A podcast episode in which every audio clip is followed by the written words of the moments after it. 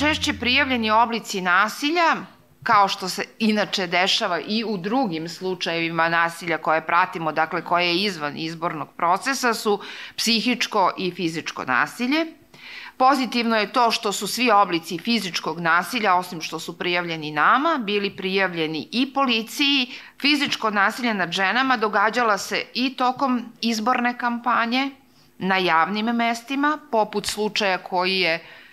prijavljen nama, a bio je tretirani u medijima, slučaj kandidatkinje pokreta Zavetnici u Aranđelovcu, takođe su se dešavali napadi na žene ispred biračkih mesta na dan izbora. Između ostalog, jedna od prijava je i aktivistkinje pokreta slobodnih građana koja je napadnuta zajedno sa predsednikom ovog e, pokreta. Izborni dan je bio pun tenzija, napetosti i posebno nasilan, što su zabeležile ne samo naša e, misija, već i misije samih e, e, organizacija koje su pratile izbore, pre svega posmatračka misija Crte i e, lokalnog fronta, ali isto tako i samih lista. Izdvojila sam podatak da je samo lista Moramo podnela 16 prigovora na regularnost izbora u Beogradu i to u vezi sa slučajevima nasilja. Primetna je normalizacija nasilja, ne samo kroz minimalizovanje značaja fizičkih napada na izbornom vestu, već i nedostatka informacija e, na, tim, na tome kako je policija reagovala u slučajevima nasilja na biračkim mestima. Primećena je pasivnost policije i tužilaštva, uočena je da javnost, kao ni sami učesnici izbornog postupka, ne poznaju različite mehanizme zaštite od nasilja i tu treba posebno obratiti pažnju na to šta su znali, a nisu znali birački odbori, izborne komisije, kada se dogode slučajevi nasilja. Karakteristični slučajevi nasilja. Uspostavljanje kontrole nad zaposlenima i pritisak, praktično prisila da se učestvuje na predizbernim događajima Srpske napredne stranke, poput mitinga, tribina i drugih skupova, što ujedno predstavlja i uvertiru za dan glasanja u kome se očekuje da e, pre svega zaposleni iz javnih ustanova i preduzeća daju svoj glas ovoj stranci, a neretko i dodatni pritisak za sigurne glasove članova njihovih porodica ili glasove iz okruženja. U prijavama imamo svedočanstvo načinu na koji su rukovodioci, čak i direktori ustanova, uspostavljali kontrolu i sprovodili drugotrajno šikaniranje, e, uvodeći interni sistem nagrade i kazni u jednoj preškolskoj ustanovi nakon što je u javnost dospela informacija da je trebalo da se obezbedi 48 učesnika za miting Srpske napredne stranke u Opovu, direktorka je pritiskala radnice na koje je sumnjala da su ovo prijavili javnosti i medijima, odredila im je veći ovim posla, nalazila primetbe na svaki posao koje su tih dana radile i u ovakvim slučajevima imamo zapravo kombinovanje strateškog mobinga, dakle to jeste mobbing, i diskriminacije na osnovu političke pripadnosti. Primer verbalnog nasilja, izvajamo kontrolorku jedne opozicione liste u Novom Sadu i ovde ću, čini mi se, najpraktičnije citirati šta smo dobili u prijavi. Tortura TK, predsednice biračkog odbora nadamnom, nakon e, molbe da se evidentira nepravilnost, trajala je od 7.20 ujutru do 1.30 30 narednog jutra. Dakle, toliko su bile zajedno lažeš, umišljaš, šta radiš ovde kad nisi član stranke, dobila si pet crvenih kantona, nas je više, ne možeš ništa zbog čega si ovde došla. E, uveče su sledila vređanja i provokacije zbog zapisnika koje ona nije želela da potpiše.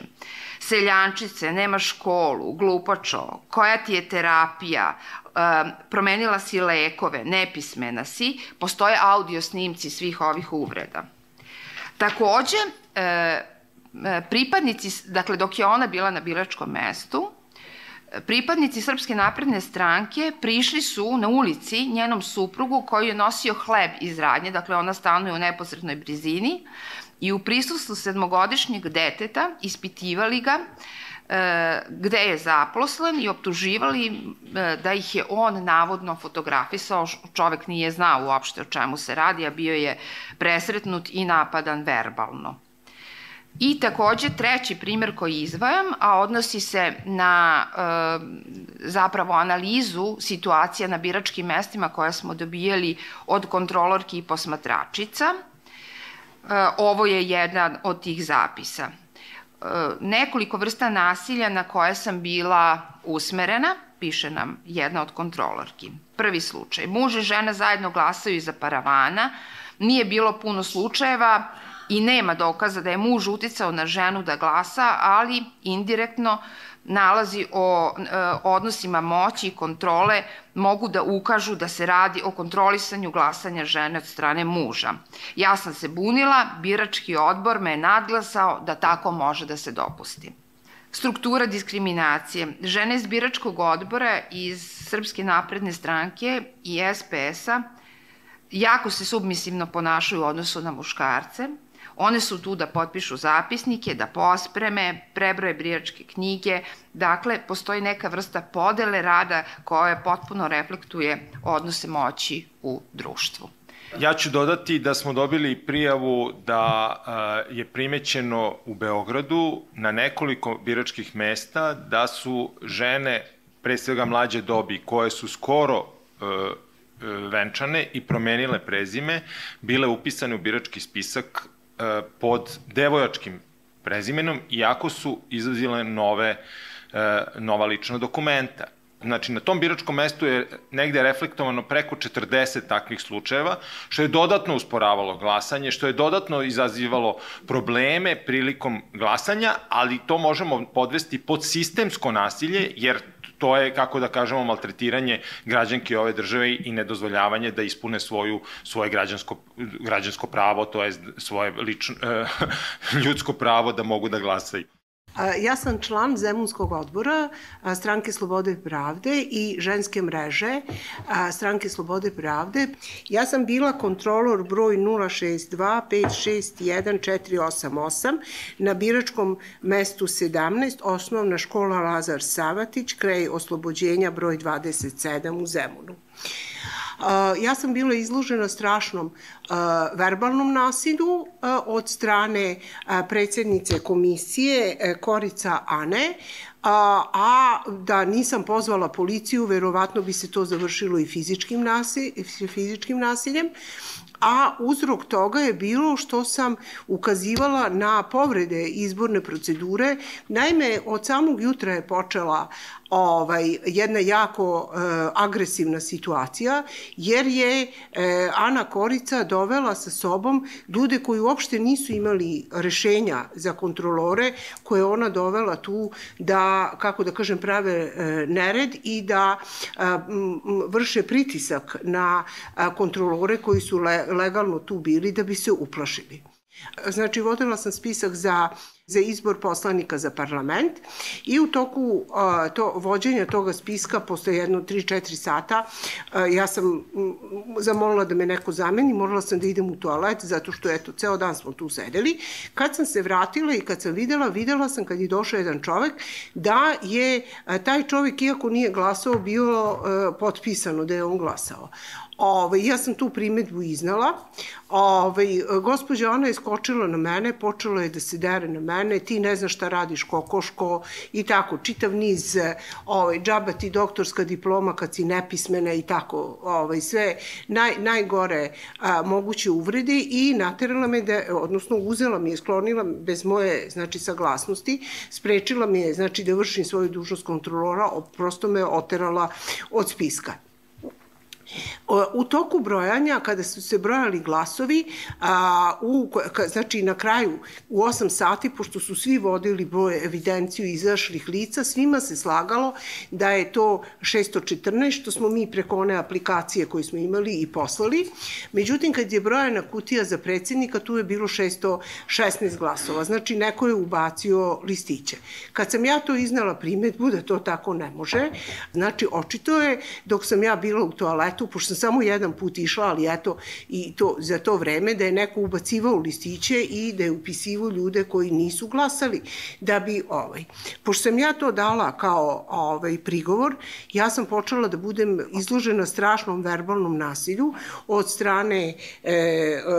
predsednice Ane Korica i, ne, i jedne žene koje ja ne znam, re, govorili su da je, oni kažu da je iz radikalne stranke, ja ne znam njeno ime i ona nije imala rešenje. Ona je počela da viče na mene da će mi izudarati, jer sprečavam brojanje, da se brojanje brzo završi, jer su ljudi umorni i hoće da idu kući. A, predsednica sa nekim e,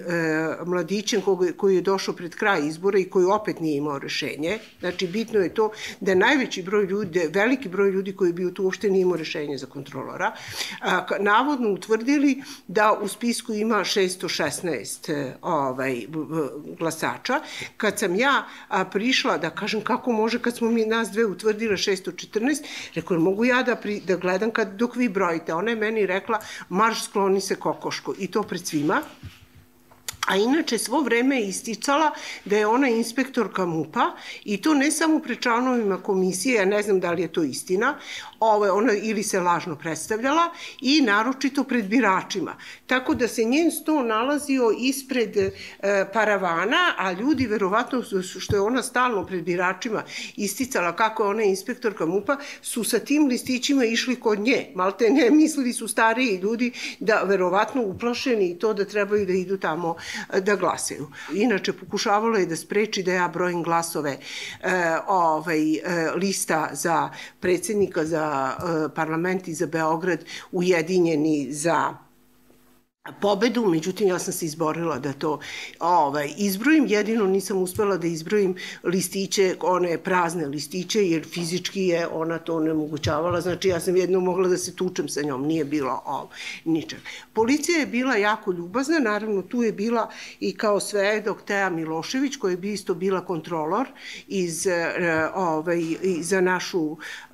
za koaliciju Ujedinjeni do pobede i ona je bila zgranuta žena tim nasiljem prema meni, ona je svedočila policiji to psovanje i ovaj, taj pokušaj napada. Policija je došla, bila je jako korektna, uzela je sve naše podatke i policija je rekla da će nas kontaktirati. Međutim, vi od toga policija nas nije više kontaktirala. Nema rodne ravnopravnosti bez demokratije i ova priča nam upravo govori o tome kako o, kvote ne znače mnogo, kako o, dodavanje nekog broja žena u partijske strukture, u institucije vlasti, ne znači ništa ukoliko ti odnosi, njihovo uključivanje nije zasnovano na ravnopravnim odnosima. Mi zapravo sada imamo u, slici, u Srbiji jednu sliku kao što smo jedna lažna demokratija ili kako nas već po ovim globalnim indeksima mere, Tako imamo i tu jednu sliku lažne, lažnog napretka u rodnoj ravnopravnosti. E, nikad veći broj žena u parlamentu i nikad neravnopravniji tretman žena u, u partijama potpuno netransparentne strukture. Mi ne znamo, jer znate koliko ima žena u SNS-u, koliko ima žena u, na rukovodećim položajima u telima, u SRMS-u. To nisu javno dostupni podaci. Neke stranke to objavljuju, ali čak ni neke opozicione stranke to ne objavljuju. Uh, Naša istraživanja pokazuju kako žene koje uspevaju da se uspinju u partijskim strukturama, a onda kasnije u državnim strukturama, zapravo samo kopiraju te obrazce razmene, lojalnosti i da tu nema ništa od napredovanja po zaslugama, nego od napredovanja po lojalnosti, a zna se kako se lojalnost uspostavlja. Liderske pozicije su i dalje muške, zato imamo Đilasa koji juče razgovara s Vučićem, a ne Mariniku Tepić i zato imamo premijerku koja sluša predsednika države i ne obavlja svoju premijersku funkciju na način na koji bi jedan premijer ili premijerka to trebalo da rade. Ti obrazci s vrha do dna se kopiraju i ono što smo mi imali prilike da vidimo da se ti rodni režimi, kako ih mi nazivamo, a to su te strukture odnosa između žene i muškaraca, potpuno preslikavaju na biračka mesta i stvaraju uslove koji nikako nisu povoljni za glasanje uh, uh, slobodno, uh, bez straha, bez tenzije. Ovakva atmosfera je postojala, mislim, na svim biračkim mestima. Na mom biračkom mestu je uh, uh, bilo užasno napeto, iako nije bilo tih takvih drastičnih sukoba ali se videlo sve ono na što je i Marija ukazala, to su neki obrazci koji se prosto ponavljaju zato što nam je društvo tako i zato što se protiv toga do sada niko nije izborio. To su nesrazmerno velike grupe kontrolora ispred e, vladajuće stranke. Dakle, sama brojčanost njihova i organizovanost stvara vrlo neprijatan, e, neprijatnu atmosferu za kontrolore iz drugih stranaka, opozicionih, nezavisne kontrolore, posmatrače, pa i za građane koji glasaju, jer tu postoji jedna atmosfera partijske discipline, a vrlo agresivne, oni su sami pod stresom na mom biračkom mestu, dakle, bile vrlo jasno ustrojena ta partijska i rodna hijerarhija, one se potpuno preklapaju, vi ste imali jednu gomilu muškaraca, uglavnom starih, od kojih jedan sede odmah kod ulaza i kontrolisao u nekom potpuno debeovskom marniru, ne znam šta je mogao na tom mestu da kontroliše, ali je to već stvaralo taj utisak da je to pod kontrolom. Kasnije sam razmišljala i shvatila da on u stvari kontroliše sve. Uh, oni su spostavili jednu potpuno kapilarnu kontrolu nad društvom, on je kontrolisao ko iz koje zgrade izašao da glasa, da li su svi koji su primili paket glasali ili nisu, ko nije glasao uzeo paket, ko nije glasao uopšte. Kontrolisali su uh, nas koji smo nezavisni ili one koji su uh, kontrolori iz uh, opozicionih stranaka, šta mi radimo, uh, kontrolisao je svoje to je ono što je vrlo interesantno i to mi je veliki, velika naučena lekcija da se u toj stranci dešava ono što se dešava u svim autoritarno-totalitarnim sistemima, a to je da nikada ne možete dokazati lojalnost i nikad ne postoji ta vrsta poverenja, uvek se mora kontrolisati ko je koliko lojalan. Brojčanost tih starih muškaraca koji kada se poslažu ovako i o, ne rade ništa u stvari, znači niti vode te knjige, niti, znači samo sede i povremeno tako izgovaraju neke seksističke viceve, stvara vrlo neprijatnu atmosferu za glasanje žena, za glasanje mlađih žena, za kontrolorke. Takođe, do, dopuštanje tog partnerskog, ja ga ne nazivam porodično glasanje, vi, vi ste imali, mogli smo da vidimo i porodično glasanje, dakle, bukvalno neki ljudi dovedu celu porodicu i onda vidite reakcije, recimo, dece, kako kaže, eto, glasao sam ti sada, pa ne znam, jesi zadovoljan, dakle, i to, to se jako lepo vidi, u sedam ujutru kad se otvore birališta, vi imate te uređene, one već čekaju, to su te čitave porodice koje stižu, uglavnom moram reći da se o, nekako vidi da su to i socijalno ugrožene porodice, oni se poznaju kroz komunikaciju, vi to sve možete da rekonstruišete, uveče kada brojite glasove, kad tu kutiju okrenete, na opačke, ti listići koji su bili ujutru u 7 sati, vi jasno vidite za koga da, da su to listići koji su glasali za vladajuću stranku i vama potpuno biva jasno kakvi su ti obrazci, da se znači, ta evidencija vodi ne samo da li ste glasali, nego i kad ste, koliko ste prilježni, da li ste odmah ujutro došli da glasate i slično. Ukoliko neko je nemoćno lice, ne vidi, dakle ima pravo da pozove nekoga da mu pomogne pri glasanju i to se zloupotrebljava tako što muž i žena uđu iza paravana i vama je potpuno jasno da tu postoji jedna vrsta kontrolisanog glasanja. Vi to ne možete da dokažete, ali se tu, protiv toga i ne bori na biračkom mestu, nego se bori u napređivanju ostvarivanju rodne ravnopravnosti van izbora i van biračkih mesta, dakle žene, deca, u tom jednom patriarhalnom porodičnom modelu moraju imati autonomiju u, u, odlučivanju o izlasku na izbore i o tome kako će da glasaju. Dakle, način na koji su uređeni birački odbori, na koji se definišu procedure, ponašanja na biračkim mestima, ta submisivnost žena iz vladajuće partije, one su te koje će na kraju sve to pospremiti i počistiti, iako treba nešto potpisati, bez da se previše udubljuju u, u to šta potpisuju, potpisuju ono što im se kaže. I za kraj, kako su izgledali mediji, ja ću podsjetiti samo da smo mi e, tokom predizborne kampanje imali e,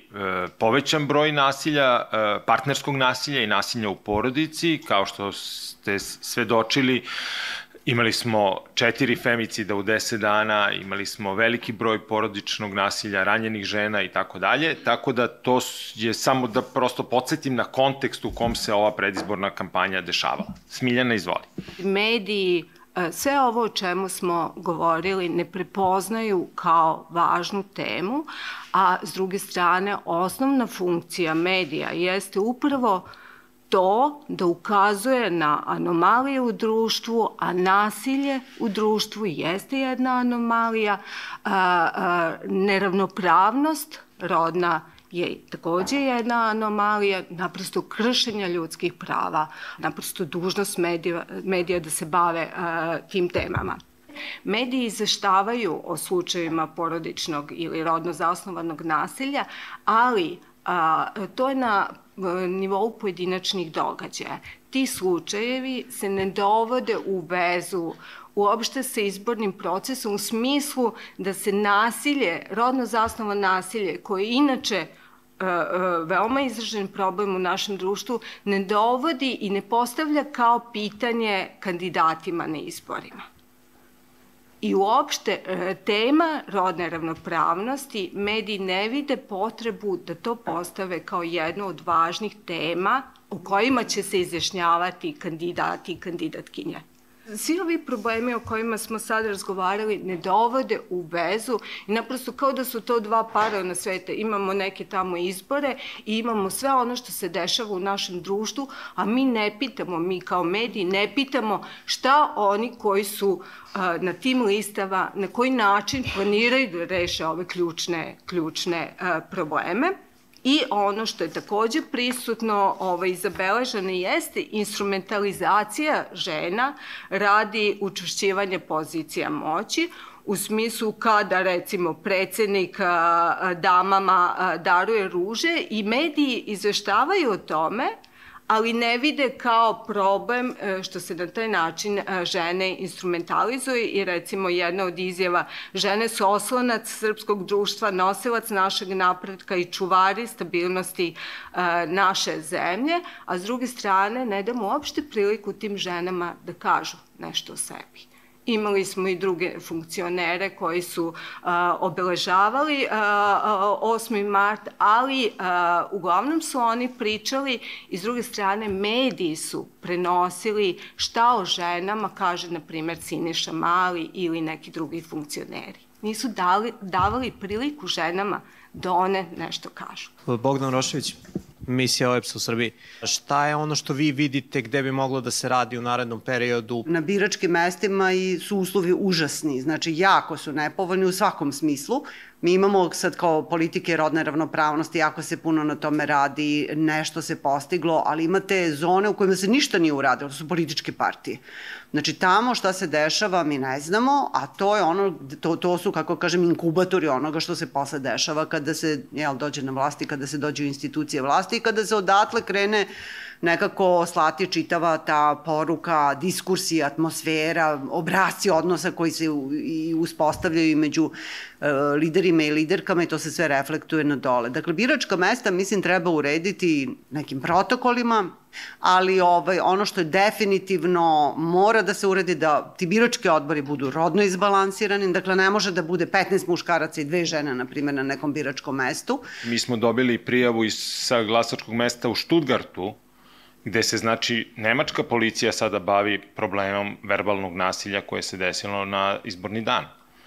I po, koja je bila pozvana i tako dalje, a sve se to dešavalo, podsjetit ću, u konzulatu. Drugo, mi nismo znali na koliko mesta su predsednici odbora, ni dan danas ne znamo i to ćemo pitati i pokušati da saznamo na koliko mesta su predsednici biračkih odbora pozivali policiju da uvede red na biračko mesto.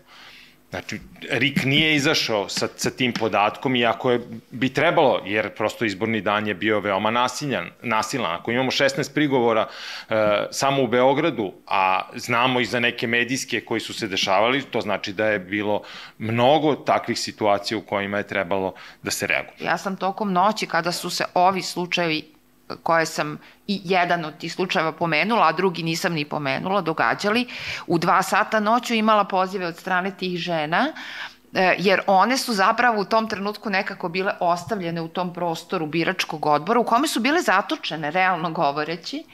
E, u jednom slučaju zaista bilo onemogućeno i kretanje izvan prostorije. Iako se znalo da se mobilizacija za kontrolu i za nadzor ovih izbora, odnosno za posmatranje, i vrši zbog toga što će verovatno biti e, slučajeva nasilja, zapravo se u realnosti dogodilo da možda ni muškarci, ali u ovom slučaju mi smo analizirali žene, pa tome možemo reći, one zapravo nisu znale šta su pravi koraci i neophodno je uspostaviti nešto što bi bio kodeks vladanja za sve koji 24 sata praktično provedu zajedno na izbornom mestu. Ti rodni režimi, rodne uloge, uloge, hijerarhije, patrijarhalni obrazci, toma se nekako uh, može doakati i pravilima. Mislim, Dugačak je put ako čekamo još 200 godina da se situacija sa društvom promeni pa da bude bolji na izbornim mestima, dajte da ove zone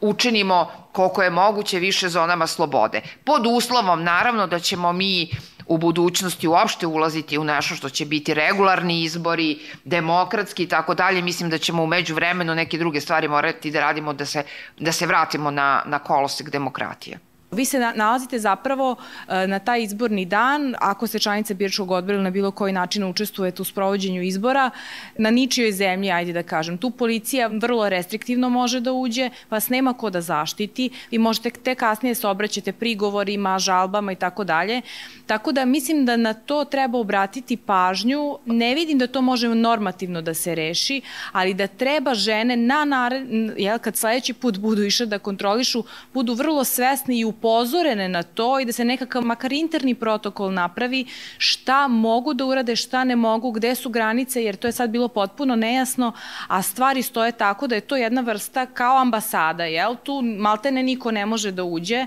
a ako uh, vladajuća stranka, kao što je Marija rekla, dozvoli, uh, i mislim, gospođe koja je kontrolisala u Zemunu, da vam tu patroliraju neki ljudi koji potpuno niti imaju rešenja, niti se zna ko su oni i tako dalje, vas nema ko od njih da zaštiti, a vi nemate legalan način da se bilo kome obratite. Dakle, možda, eto, neki interni protokol o tome, ono, panik taster, mislim, eto, ovaj, time završavam, mislim da, da je moj utisak iz svega ovoga da je zapravo nasilje bilo ne slučajno, ne ad hoc, nego sistematsko i radi odustajanje od kontrole. E, gospođa je apsolutno u pravu, jer se u ponašanja ljudi, e, kako ih je konstruisao predsjednik odbora, videlo da je nasilje organizovano, da je smišljeno i da je njegov cilj da ljudi koji su e, kontrolori iz opozicijonih stranka budu toliko maltretirani da